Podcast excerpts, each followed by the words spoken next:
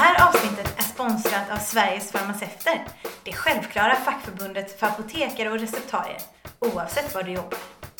Varje år ger förbundet utmärkelsen Årets farmaceut till en apotekare eller receptarie som bidragit till att utveckla farmacin eller den farmaceutiska professionens roll i samhället. Känner du årets pristagare?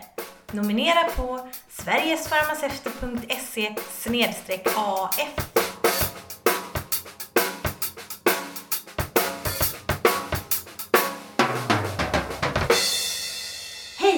Välkomna till det här avsnittet av Farmaceutpodden med mig, apotekaren Isabella Stenmark. Nu kommer jag gå lite hårt ut och säga Förr eller senare kommer du i din karriär som farmaceut att involveras i en felexpedition. Är du nyutexaminerad kanske du förskräckt drar efter andan. Vadå felexpedition? Har du varit med i gamet ett tag kanske du skruvar oroligt på dig och tänker varför ska vi peka ut den som har gjort fel om vi har rätt ut allting med kunden redan? Har du ett stort intresse för kvalitetsfrågor kanske du rent av gnuggar händerna när du hör felexpedition och genast tänker vad kan vi lära oss av det här och hur ska vi förebygga att det sker igen? Med mig idag har jag en av de smartaste personer som jag känner och som jag dessutom har haft äran att jobba med väldigt mycket. Välkommen till Farmaceutpodden Caroline Day, legitimerad receptarie. Tack så mycket. Varför är det viktigt att prata om felexpeditioner? Det är ju som du sa i inledningen där med kvalitet, att det är viktigt att lära sig av misstag, Mm. sina egna och andras. Mm. Och felexpedition gör ju så att man inte bara har sina egna att lära sig av utan även får del av andras. Mm. På apoteket, på hela apotekskedjan kanske. Mm. Kan du berätta lite om dig själv och varför du blev farmaceut? Ja, jag var eh, molekylär biolog från början eh, och pluggade det och jobbade med det i eh, några år i England. Sen när jag flyttade till Sverige så fick barn och livet förändrades och då så skolade jag mig till receptarie. Och det, det gick ganska smidigt på ett år ungefär. Så tips till alla molekylärbiologer som vill byta bana. Mm. Är du nöjd? Jo, det måste jag säga. Ja, Jag tycker du är en av de personer som brukar vara väldigt nöjd med att du är. Men och vad är egentligen en felexpedition? Ja, det är ju ett läkemedel, en vara, en tjänst eller rådgivning eh, når kund. Mm. Eh, och när kunden liksom har fått fel och lämnat apoteket. Ja, precis. Om man tänker liksom hur det skiljer sig från en incident så är det ju att en incident då kommer man ju på felet man håller på att begå. Eh, Så man kanske är i färd att eh, ja, lämna ut fel läkemedel när man inser att ojsan, det här var ju fel. Då blir det en incident och de är minst lika viktiga. Men idag ska vi prata om felexpeditionen. Och som jag sa i inledningen där så hävdar jag ju att en farmaceut som jobbar på apotek på ett sätt eller annat kommer att involvera sig i en felexpedition. Och innan jag frågar dig om du har gjort någon så får jag väl eh, berätta om min första felexpedition, eller i alla fall den första jag känner till. Och det här är några år sedan. Och det var väl fredag eftermiddag som det så ofta är. Den här kunden var på jakt efter ett par ögondroppar som heter Siloxan. Det är en antibiotika som vi tyvärr inte hade i lager på det apoteket. Och kunden som var en stamkund blev jättebesviken och kunde inte ta sig till något annat ställe. Så jag försökte verkligen hjälpa till, letade efter en annan förpackningsstorlek och så vidare. Och till min förtjusning så hittade jag en förpackning med Siloxan droppar när jag liksom frisökte i lagret. Och redan här kan jag i efterhand säga, här har vi varningstecken nummer ett. Se upp för frisökningar. Men eh, nöjd och belåten då så bytte jag till den här andra förpackningen, Siloxan. Datasystemet protesterade fast jag kunde liksom inte se någon skillnad. Så jag bad en kollega dubbelkolla. Och det är ju bra, sådär i efterhand. Men den här kollegan kunde inte heller upptäcka vad det var för fel jag hade gjort. Så jag berättade för kunden, jag visade förpackningen och så vidare och kunden blev jättenöjd för då fick ju den här kunden med sig sina grejer direkt. Någon dag senare kom kunden tillbaka och slänger upp förpackningen på disken och säger Du har expedierat örondroppar till mina ögon! Och jag minns att det blev liksom svart framför mina ögon och jag började be om ursäkt och till slut började jag gråta. Så det var väldigt hemskt och traumatiskt och sådär. Och alla funderingar, vad händer med kunden? Vad kommer hända med mig? Kommer jag bli av med min legitimation? Men i efterhand, det hände ingenting med kunden. Men jag lärde mig verkligen en riktig läxa. Hjärnan lurade mig. Jag såg ingen skillnad på ögon och öron när jag läste texten för jag var så bestämd att detta var rätt. Och det här felet tror jag egentligen var mycket vanligare när man när farmaceuten registrerade pappersrecept, alltså när man la in det från början, för det, det är så himla svårt att se. Men mitt budskap till er är då att se upp för Siloxan, för det finns ögon och örondroppar. En bokstav som kan vara väldigt viktig. Men är det någon egentlig skillnad mellan de här produkterna? Nej, det är det inte, men... Eh, Bipacksedeln? ja, bipacksedel. Och indikationen är ju olika. Det är skillnaden. Det är en liknande incident har jag gjort på den här som heter Alfadil. Ja. också det. Och har ni inte den hemma, se om du hittar någon annan förpackning. Mm. Alfa, oh, Alfadil BHP, vad är det här för någonting? Ja. Då är den för, inte för blodtrycket utan eh, för prostataförstoring. Mm. Den eh, har vi ju ibland vid kontakt med doktor fått byta. Ja, just det. Ja, ja. Det är samma produkt men det kan ju bli väldigt förvirrande när kunden läser. Oh ja. Mm. Oh ja. Det, och det kanske var en, eh, En kvinna, precis. Ja, det är farligt med Man frisökningar. ska vara väldigt försiktig och kolla med en kollega är ju alltid jättebra om de finns till hands. Mm. Mm. Men denna gången hjälpte det ändå inte. Nej, Vad har du för erfarenheter av felexpeditioner? Ja, jag förstår ju varför du frågade just mig om detta. För jag har ju Nej. Eh, vi har ett urval här då. Eh, en gång så var det en, det var en gång, en kund som hade ett recept med eh, en, en narkotikaklassad vara så, som läkaren inte ville att de skulle hämta ut för ofta. Därför har de skrivit intervall. Men för varje uttag var det två förpackningar och även var vi inte hade tillräckligt mängd med på apoteket. Mm. Så varje gång han hade hämtat så hade han fått en förpackning istället Mm. för två. Mm. Eh, Så datorn reagerade ju att det var eh, expeditionsintervall, det var för tidigt och han sa men jag fick ju inte fullt eh, Nej. sist jag hämtade. Så tänkte just det, det här vet jag hur man gör. Så tittade jag på tidigare uttag och så eh, i vårt datasystem så eh, är det som en liten meny som man kan scrolla Mm. ner på tidigare uttag. Jag tyckte jag räknade, men det här ska gå bra. Så skrev jag en kommentar, delexpedition. Eh, och kunde vara nöjd såklart. och sen, det här är någonting man kanske inte ska göra då efter kunden har gått. Så jag skrev ut pappret Mm. och dubbelkollade att jag verkligen hade gjort rätt. För jag Mm. ville liksom bara se att det här verkligen var rätt. Och då såg jag till min förskräckelse att det var ju att jag hade räknat fel. Mm. Det dolde sig då ett uttag när jag hade skalat upp och ner där. Och då fick jag snällt eh, ringa läkaren och förklara vad jag hade gjort.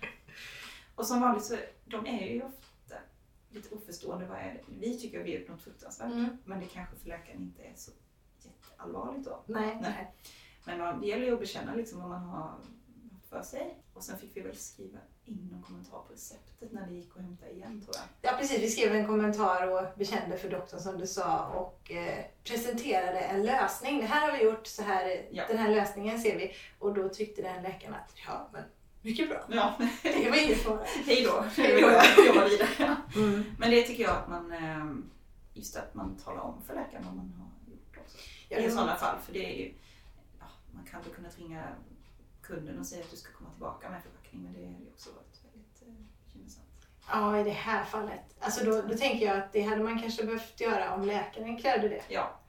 Mm. Sen eh, så var det häromdagen en stamkund, Mm. väldigt trevlig stamkund, som dessutom nu jobbar hemifrån tror jag, har väldigt mycket tid att stå och prata. och sen så hade han ett pappersrecept och här ska man ju, vara- där ska man ju verkligen vara extra noggrann. Och Mm. Jag har ju alltid ett system när jag expedierar varan att jag, som man ska då, man tittar på receptets giltighet och så du bör kolla så att det är rätt mängd, rätt preparat och sådär. Men eh, vi pratade med det så jag missade det steget. Och kunden fick eh, en väldigt stor förpackning av det han skulle få. Eh, nu var inte det någon vara med risk för beroendeutveckling för det var acetylcystein. Mm. Och han sa, åh vilken stor förpackning. Sa jag. Så skulle jag lägga in resterande uttag i RÖ när kunden hade gått och då sa jag, oj, varför är det, varför finns det inget kvar på receptet? Eller det fanns, ehm, det fanns bara 100 tabletter Mm. kvar sen när receptet skulle läggas in. Men det, ja. Jag la i alla fall in det i vårt system för felexpeditioner för det var ju fel. Mm. Mm. Eh, och så sa, nämnde jag också till kunden nästa gång han kom förbi att eh, du kanske tänkte på det, att nu har du ju företag från Mm. det här. Sen eh, kan man ju inte vara säker bara för att arbetsdagen har varit bra heller. För det kan ju komma tillbaka Mm. kunder långt efteråt. Det kom ju en kund eh, kanske fem år efter och skulle lämna in en gammal medicin som jag hade expedierat. Eh, och det stod, det var, då hade jag förväxlat etiketterna med någonting annat.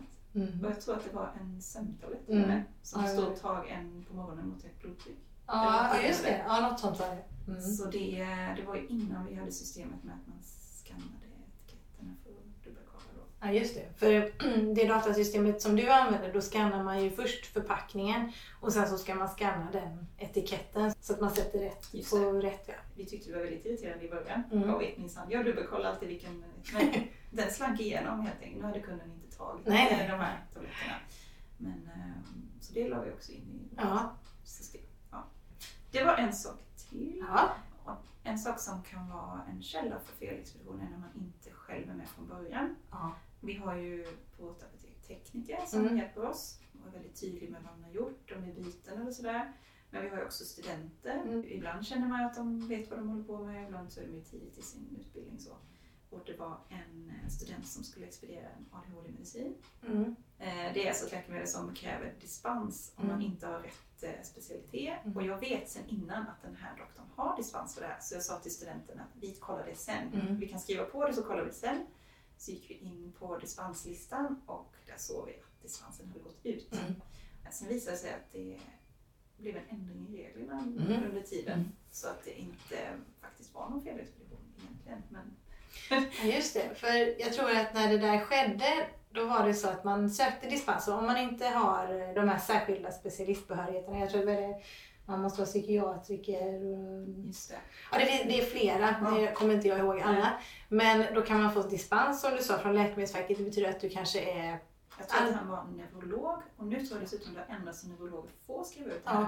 Men eh, på den tiden så fick de inte det. Nej, precis. Och då fick de en dispens och då var den giltig i ett år. Och då var det så att eh, även om receptet var skrivet innan dispensen gick ut men kunden skulle hämta det efter att dispensen hade gått ut så fick man inte göra det. Nej. Nu är det så att är receptet skrivet medan dispensen är giltig, eh, då får man lov att eh, hämta receptet. Alltså det spelar ingen roll när kunden hämtade dispensen kan ha gått ut för att den var giltig när läkaren skrev det. Ja.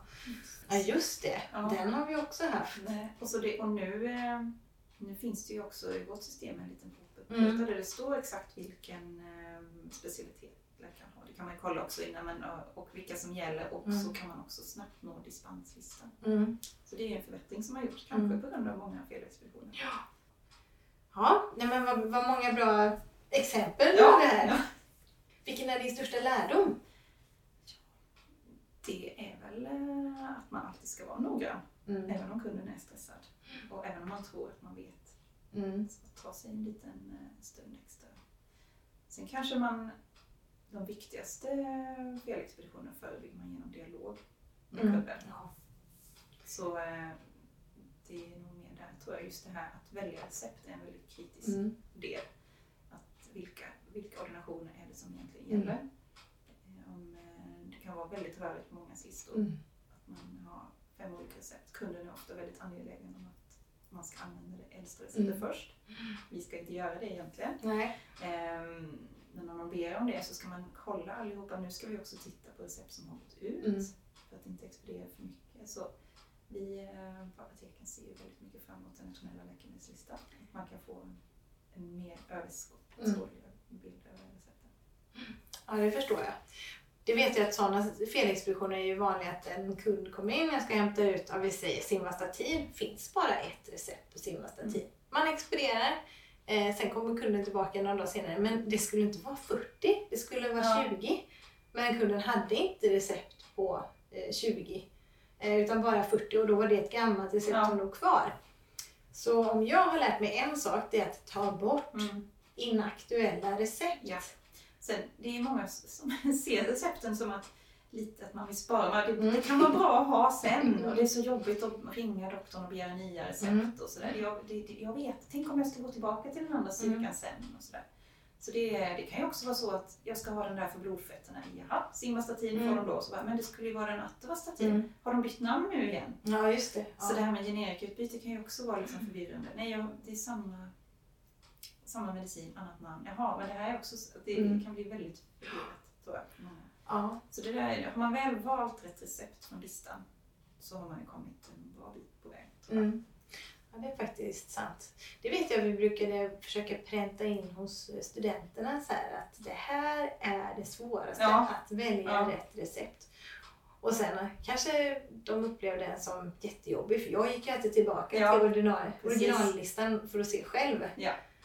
För det kan ju vara även för oss då att det finns ett recept på olika styrkor fast utskrivet med olika namn. Det kan ju stå Celokin, Soco, Metoprolol. Ja. Och se, alltså är man inte van vid att scanna så, Nej. då är det jättelätt. Det är finns ju också de här kunderna som säger eh, vad kan jag hämta ut innan frikort går ut? Ja, just Jag vill det. hämta ut allt. Så kan det ju stå både då Celoken och Metoprolol eller olika Mm. namn på. Och det kan vara väldigt lurigt. Om de då inte vill byta namn så det kan ju hända att det når ut till kunden att de har fått dubbel, Mm. dubbelt. Ja, nej, det där är klurigt. Men det är ju det farmaceuter oftast är väldigt duktiga på. Att prata och att reda ut vad är det egentligen kunder vill ha. Ja. Och eh, det finns nog mycket mer som kan förebyggas egentligen om man har mer dialog. Man Mm. kan ju fråga hur, hur går det med medicinen? Mm. Hjälper det? Om de säger då nej och så uppdagas det att det, de inte tar det på rätt sätt. Mm. Eller att de hade fel förväntningar på hur lång tid det skulle ta innan det verkade. Eller så. Det har ju upptäckt många gånger när man har pratat med dem. Mm. Och så titta på det som kunden vill att inte ta ut. Mm. Tar de inte ut eh, Giona men bara Bucentol jätteofta. Kanske man ska gå igenom hur de eh, tar sina små mediciner eller vad de har för förväntningar på Mm. hur det ska fungera. Och förklara vad gör kortison och vad har kortison för biverkningar egentligen? Ja. Och hur lite tas upp i? Det är Ja. många som är för kortison. Precis. Jag har ju, det är ju mitt... Om jag ska nämna något så här mirakelmedel så är kortison det är din drug of choice. Ja, faktiskt. Ja. I alla fall i den kategorin. Ja, Nej. Skämt åsido får man väl säga.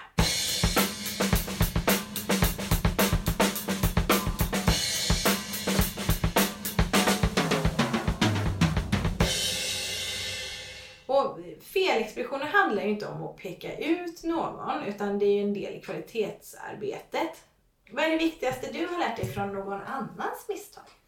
ja, det är, finns många saker som man har sett. Kanske inte felexpedition men också incidenter. Mm. Eller liksom att, vi pratar ganska mycket på vårt. Mm. Oj, titta här vad jag nästan släppte igenom. Eller titta vad jag fick ringa doktorn om här. Mm. Och sen vet jag också att det var innan, eh, för länge sedan när jag var ny så jobbade jag på ett annat apotek. Och då eh, fanns det en liten förskrivarkommentar. Mm. Det stod får, in, får endast hämtas av personal. Mm.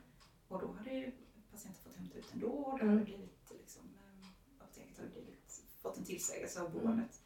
Eh, och efter det så tänker jag alltid på att läsa förskrivarkommentarerna. Mm. Nu har de, kommer de också upp som en liten pop-up. Det är många pop-up nu. Och det hjälper ju extra att liksom uppmärksamma den lilla detaljen som kan vara väldigt viktig. Det kan Mm. ju stå information där som man eh, ja, till exempel makulerar tidigare recept. Ja, just det. Ja, så det, den saken vet jag. Efter det, att jag, då berättade de ju då, det var väl vår LMA som berättade att Mm. den här felexpeditionen har gjorts. Ehm, Detta måste vi lära oss av detta. Jag har också en sån, eh, det var en incident fast det var jag som gjorde det och då var jag eh, student fortfarande. kom en eh, kund, hade pappersrecept, la upp dem på disken liksom och sånt så mycket mer så jag började mata in. Vad kunden inte sa till mig var att det här är till mig och till min eh, pappa eller mamma eller vem det nu var. Och jag, jag var för ovan för att liksom...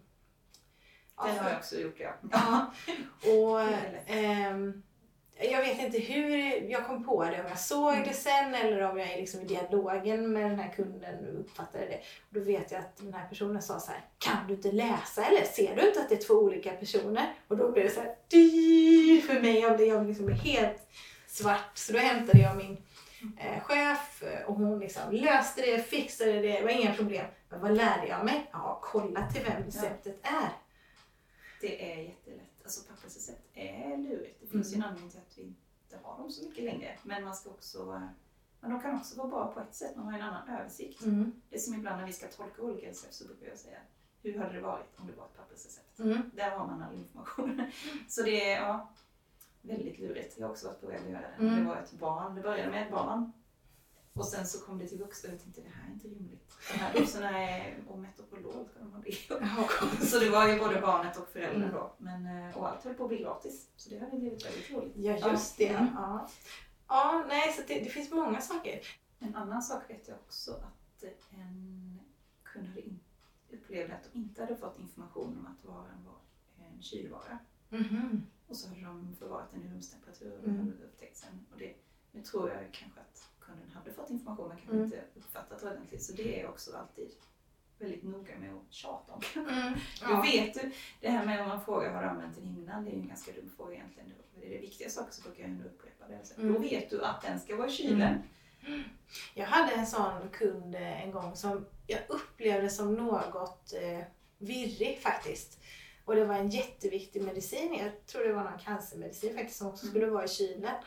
Och då tänkte jag så här, jag sätter, om jag skrev på kartongen eller satte en post-it, fast jag sa det så gjorde jag så också. Några dagar efteråt så ringer en anhörig till den här personen och säger vi kan inte hitta medicinen liksom. Vart är den någonstans? Har kunden, eller har min ja, mamma eller pappa hämtat ut det? Jag fick uppgifterna och så, så fick jag se, jaha det var det. Och så sa jag, men har ni kollat i kylen? Ja, vad bra! Mm. Och då var det det. Men, men personen kommer inte ihåg själv Nej. att, att eh, ja, han eller hon hade ställt den där. Men den var där. Ja, ja, jag skriver ofta kyl på. Ja. Och, med, och jag skriver ofta på viss antibiotika som ska ta med mat. Jag med mat. Mm. ja, Med. just det. Så att eh, för det är, ofta får de ju mycket information av oss men allting kanske inte fastnar. Och man kanske känner sig sjuk och vill bara gå därifrån. Ja.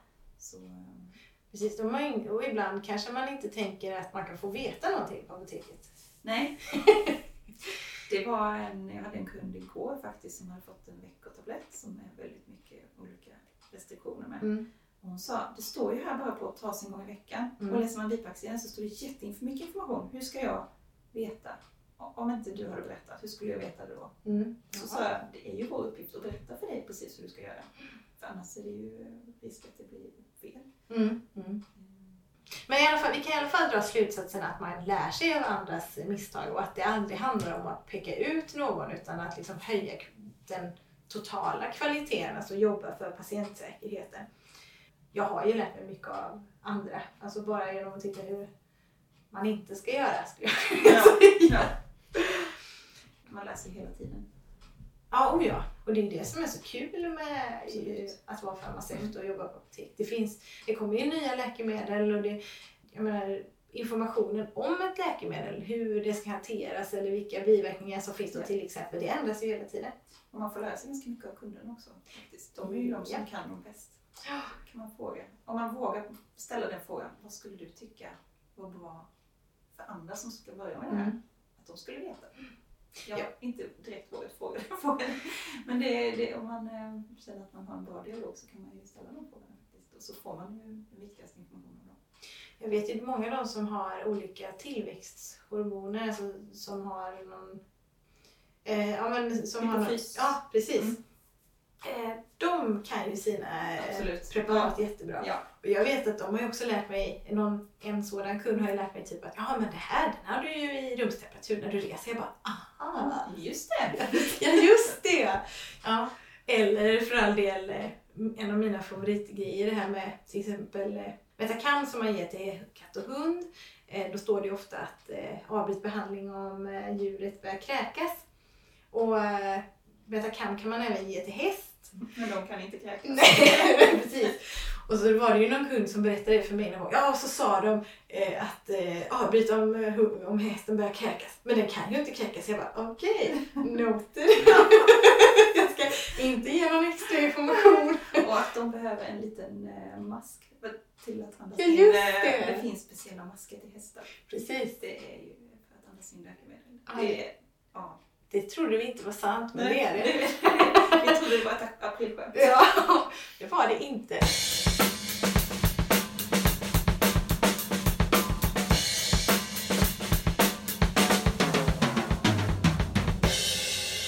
Har du upptäckt någon annans felexpedition någon gång? Nej, jag tror inte det. Men jag har ju upptäckt andras eh, felexpeditioner och eh, jag jobbade ju som LMA också så att eh, jag fick ju hantera nästan eller jag fick ju hantera alla felexpeditioner som skedde på vårt apotek. Och ja, är det jobbigt när en LMA kommer och pratar eller? Nej, det är ju oftast eh, bra grejer. Mm. Och, ja.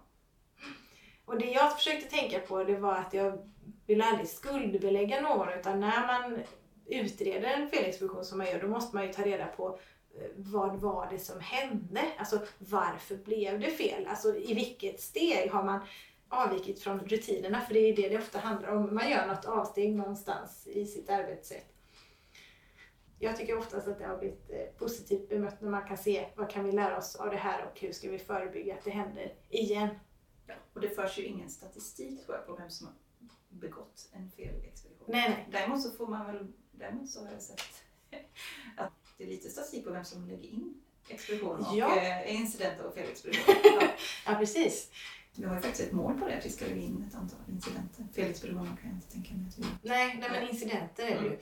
Och att eh, tro att man på ett apotek inte har, alltså så att man kan lägga in minst en incident per person, det är ju att leva i någon slags eh, orealistisk drömvärld. För, för varor hamnar på fel lagerplats till exempel. Och det kan lätt bli en felexpedition. Det kan jag faktiskt säga för ibland när, när man plockar fram kundreservationer och sådär så har det ju hänt att man har kanske förväxlat paket. Du har haft samma läkemedel fast olika varunummer och så har man förväxlat det mellan olika kunder. Mm. Och så står man där och så ska lämna ut det liksom. Står man och skannar, det går inte så läser man. Det står ju en Alaprin 20 mg. Försöker skanna igen, så här, går inte. Och så fattar man så här, ah, det, det är någon som har lagt om Just det. för, förpack, alltså förväxlat förpackningarna. Och det är ju en incident som om man inte lyssnar på systemet, Nej. eh, vilket man ibland inte gör då, som när den här felexpeditionen som jag berättade om, eh, skulle kunna bli fel. Det händer ju också att de skickar fel varor faktiskt. Ja, det händer också. Och, att, och också att de inte skickar någon, alltså leverantören inte skickar varorna alls. Det är Mm. uteblivna varor är ju faktiskt en felexpedition. Ja, eller kan, ja Kan just det. Kan bli ja. Nej, ja just det. Jo men det kan bli om det var, Om det är en viktig ja som precis. skulle beställts men inte... Ja men du har rätt. Du har rätt. Det kan bli en felexpedition men det behöver inte alltid bli det. Nej. Men det är ju väldigt retligt om kunden kommer in på apoteket eh, och har blivit lovad en vara och vi inte har den. Då hade jag sett att det har blivit en felexpedition. Det är ju, och det händer ju tyvärr. Ja, det händer ju. Mm. Vad kan det bli för konsekvenser av en felexpedition? Kan man eh, bli av med jobbet? Det, då måste det ju ha gått riktigt illa tror jag va? Eh, ja, jag har nog inte hört någon som har blivit av med jobbet. Nej, men det kan ju... ehm, Alltså felexpeditionerna utreds ju av NMA då och Mm. sen kvalitetsspecialisten i Ja. regionen. Ja. Och då eh, kan det väl bli så att man kan få lex Maria. Just det, så är det ju. För LMA samlar ju ihop information lokalt på apoteket, pratar med de som är inblandade och så vidare. Och sen så bedöms ju den här felexpeditionen av en högre instans. Och då kan de ju bedöma det som, eh, ja det finns ju olika graderingar och säkert skiljer sig olika mellan olika kedjor också. Men om de som sitter och bedömer felexpeditionen bedömer det att det är risk för allvarlig vårdskada tror jag det heter, eller vad är det man säger? Det, det är risk för att det har medfört eller hade kunnat medföra en allvarlig vårdskada. Då kan det bli liksom lex Maria. Vi har ju kvalitetsmöte varje år. Då får man ju ta del av dels alla på lokalt på apoteket Mm, mm, och också nationellt. mm.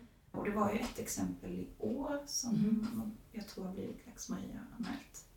Det var en alldeles för hög dos av eh, antibiotika till ett barn Mhm. som hade expedierats och som var tvungen att delexpedieras för det behövde så hemskt många flaskor. Oj. Två, så läkaren hade skrivit fel dos. Jag tror istället för att skriva 10 ml tre gånger har han skrivit 100 ml tre gånger. Eller någonting Ja, liknande. ja. Eh, Och två farmaceuter hade då expedierat det, beställa det och sen då var det så många flaskor som Ja. behövdes. Och inte hade reagerat på att det var fel dos. Oj då. Och sen inte förrän en tredje farmaceut var inblandad så Mm. blev det... Och det där var ju, barnet fick ju biverkningar i form av besvär då. Ja, Förutom att det måste varit jätteäckligt. ja fy. Det här har man ju verkligen missat sin Mm. av besöket. Mm. just troligtvis, nu vet inte jag någonting, men troligtvis så har man ju behövt göra en händelseanalys tror jag. Så man behöver verkligen gå in på djupet. Vad var det som hände och vad gjorde det att det blev fel? Och så tror jag att man behöver komma med ett svar till IVO, för man anmäler ju det till IVO då. Vad man har gjort för åtgärder eller vad man planerar för åtgärder. Det kan ju vara kompetensutveckling eller att man får läsa på rutiner igen. Ja.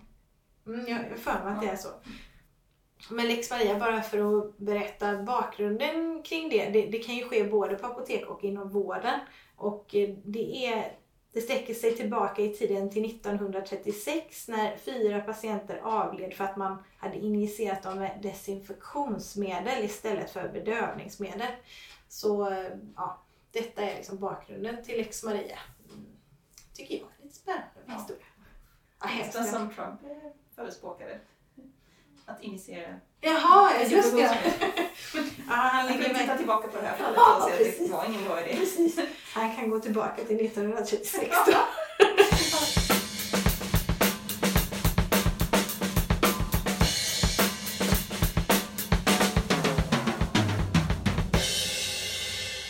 Kan en felexpedition bara ske vid receptdisken? Nej, Nähä. det är ju... eh, För vi sa ju sitt inledningsvis att det är ju även eh, rådgivning som Mm. eh, man kan ge. Och man kan ju ge väldigt mycket fel råd. Ja. Egenvården är ju klurig för att ofta frågar ju kunden kanske vad har ni det här? Mm. Har du något bra mot detta? Och vi ska ju ställa frågor både farmaceuter och eh, apotekstekniker Mm. för att se att kunden får rätt rådgivning, rätt produkt. Ibland kan ju rätt produkt vara ingen alls. Utan någon som ska söka vården eller Exakt. avvakta eller sådär. Så där tror jag faktiskt att det sker väldigt många felexpeditioner i det, det tysta. Mm. Mm.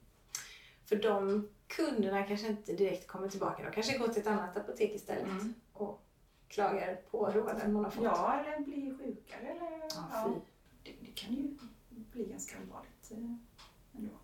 Ja, det, det, jag tror att det är som du säger, att det är ett stort mörkertal eh, i Mm. egenvården. Men jag vet att vi snappade upp några i alla fall. Ja, och då har man ju hanterat, om du minns jag inte om det hade hänt hos oss eller om det var på ett annat apotek. Och händer det på ett annat apotek så är man ju skyldig att ta informationen ändå och sedan meddela det andra apoteket som, där felet har skett. Så nu är vi inne lite på det här med rådgivning och utebliven information eller att kunden inte har fått information om utbyte eller inte fått rådgivning eller fått fel rådgivning är återkommande termer vid eh, felexpeditioner. Vad tänker du om det? Vad ska man som farmaceut tänka på? Ofta så domineras ju kunddialogen av eh, högkostnadsskydd, Mm. generikutbytet och eh, det är ju lite tråkigt att prata om Mm. faktiskt. Mm. Alltså varje farmaceut får hitta sitt sätt att liksom ställa de här frågorna och ändå få med all information. Mm. Och ibland kan man ju liksom ställa lite kontrollfrågor. Hur ställer du dig till att byta trombyl? Mm. Säger de ja, ja, då, då är det förmodligen så på resten. Mm. Jag brukar lägga fram varorna på disken som att när man eh, visar en meny eller Mm. bil. Vad tycker du om det här märket? ja. För det, namnen i sig brukar inte säga så mycket.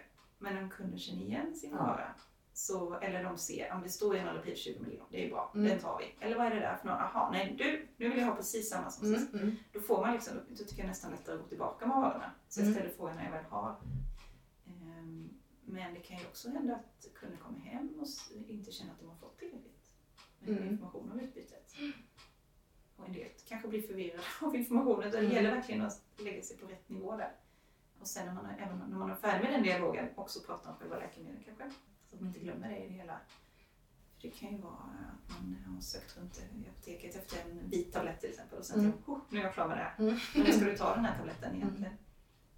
Man kan ju ställa de frågorna. Hur, hur tar du den här Mm. tabletten? När tar du dem? Hur många är det per dag nu? Eller sådana här frågor. Då. Så, men det ska inte vara något sorts läxförhör. Nej, nej, nej. Men man kan ju ställa sådana frågor. Alltså hur många per dag tar du? Det gjorde jag ofta om till exempel det var för tidigt att hämta ut ett läkemedel. Eh, istället för att bara, nej det blir ingenting, nej du får inte hämta den. Så frågar jag, men hur tar du den? Särskilt om det är ett läkemedel som jag vet kanske kan justeras upp och justeras ner. Typ mm, Metformin eller någon antidepressiv Just medicin. Och då kan man ju dels få reda på att aha, de har ökat sin dos. Och det är okej att hämta ut det liksom. Mm. Tycker jag Ja. i alla fall. Just det, vi har ju diskuterat det, om det är en lag på det eller om det bara är som, som man eh, gör den avvägningen själv liksom, Mm. som farmaceut.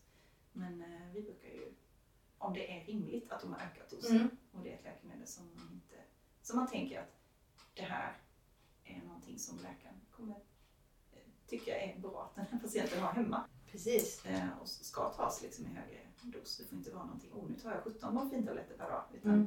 till exempel sertralin har ökat från en till en och en halv. Då får man också leta efter en delbar tablett. till exempel. Mm.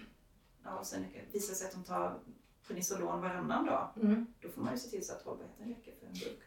Precis, det där tyckte jag var nästan det roligaste när det stod enligt ordination. För då var det så här, nu ska jag luska ut hur många, hur många de tar, hur länge det håller. Och genom att då berätta för kunden, varför frågar jag? Ja, men jag måste ju kolla hållbarheten. Då blir de så här, ja, ja just det, det är ju viktigt. Ja. Vad har du med det att göra? Exakt. Ja. Mm. Det är så många grejer man ska få med. Det är ju det. Mm. Och ibland frågar man ju, kunder vet ju inte vilket motiv man har till att man frågar. Precis. Förrän de kanske upptäcker att man räddar dem från att det har blivit något fel. Ja, Mm. nej. Precis. Och jag menar, nya läkemedel, om en kund får till exempel, om säg Prednisolon mot eh, giktanfall. Tänk vad viktigt det är att man förklarar för dem att ja, men här ska du ta en, eh, alltså flera tabletter vid ett tillfälle. Mm. Tänk om du bara lämnar ut det och kunden tänker att ja, men man tar en om dagen för det är så man gör. Ja, eller att man tar och delar upp dem med två timmars mellanrum. Ja, just det. Tio timmar eller något. Precis. Så att för mig är det obegripligt hur man som farmaceut kan expediera en vara utan att säga någonting. Någonting finns det ju att säga om allt. Det gör det. Absolut. Det är lättare om de bara har ett läkemedel i taget. Då kan man ju säga, prata ganska Mm. länge, många ord om just den medicinen. Om de har tio olika, det är inte ovanligt. Ehm, om man förstår att de har stått på dem på länge. Då kanske man pratar om något annat istället. Mm. Men, men just nya läkemedel, korta kurer, det Mm. antibiotika, alltså sådana saker. Då, det finns ju...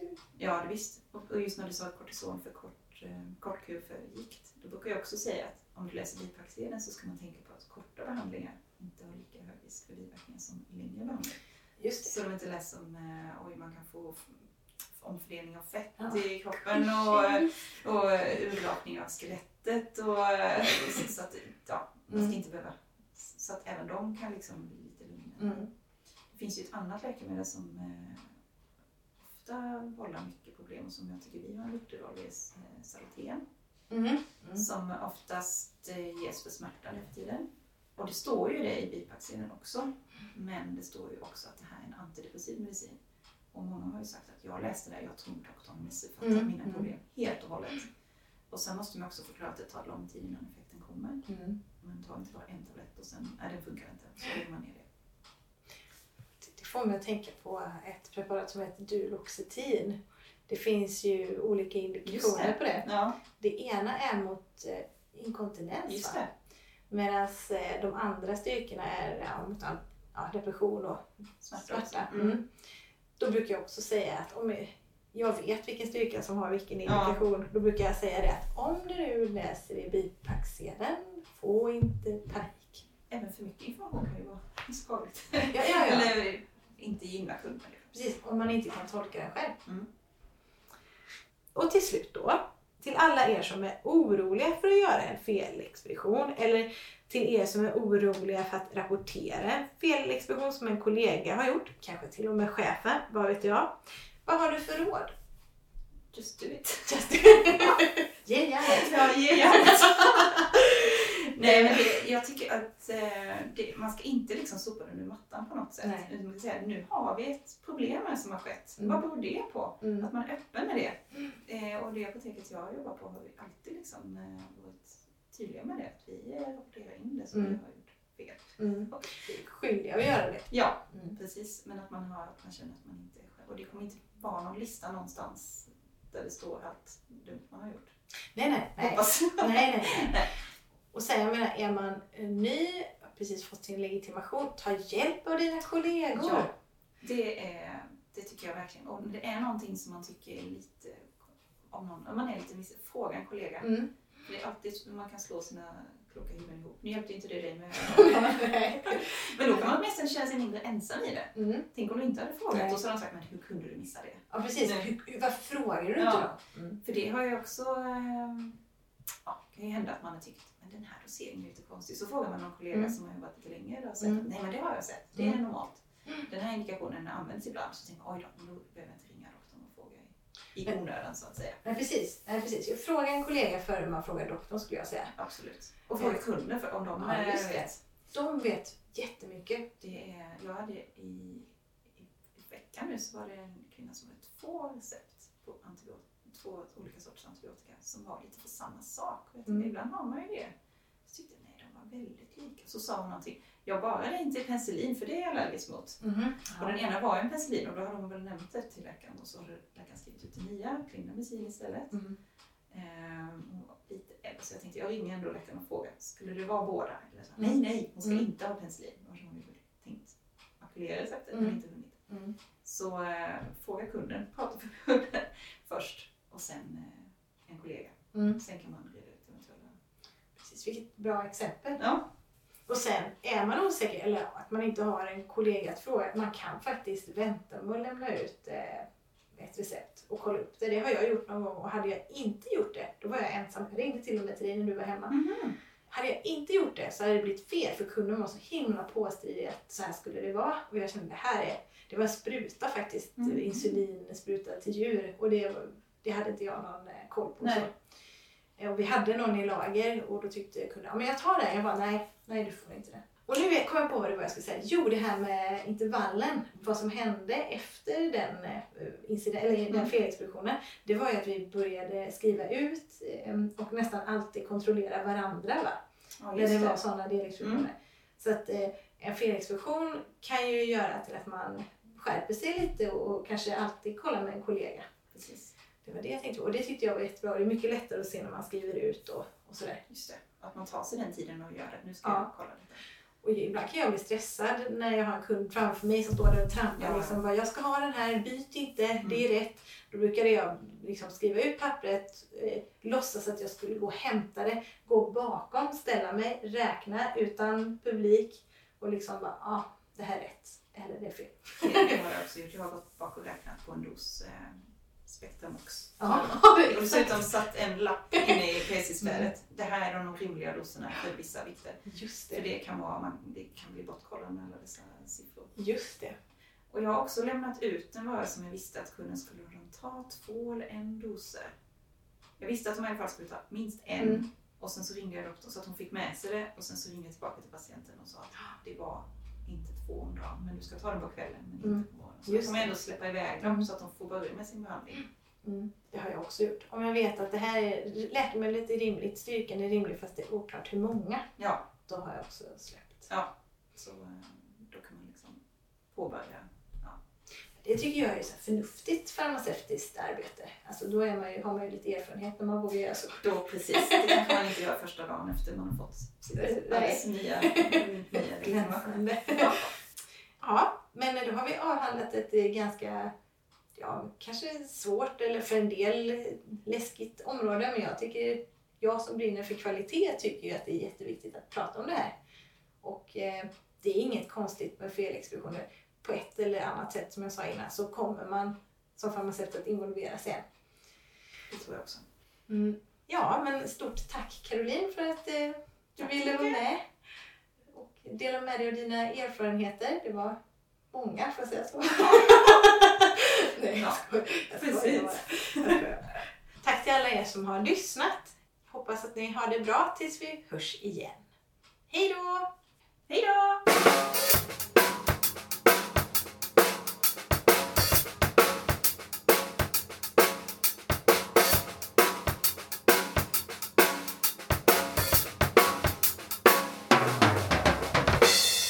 Producerat av Isabella Stenmark i samarbete med fackförbundet Sveriges farmaceuter.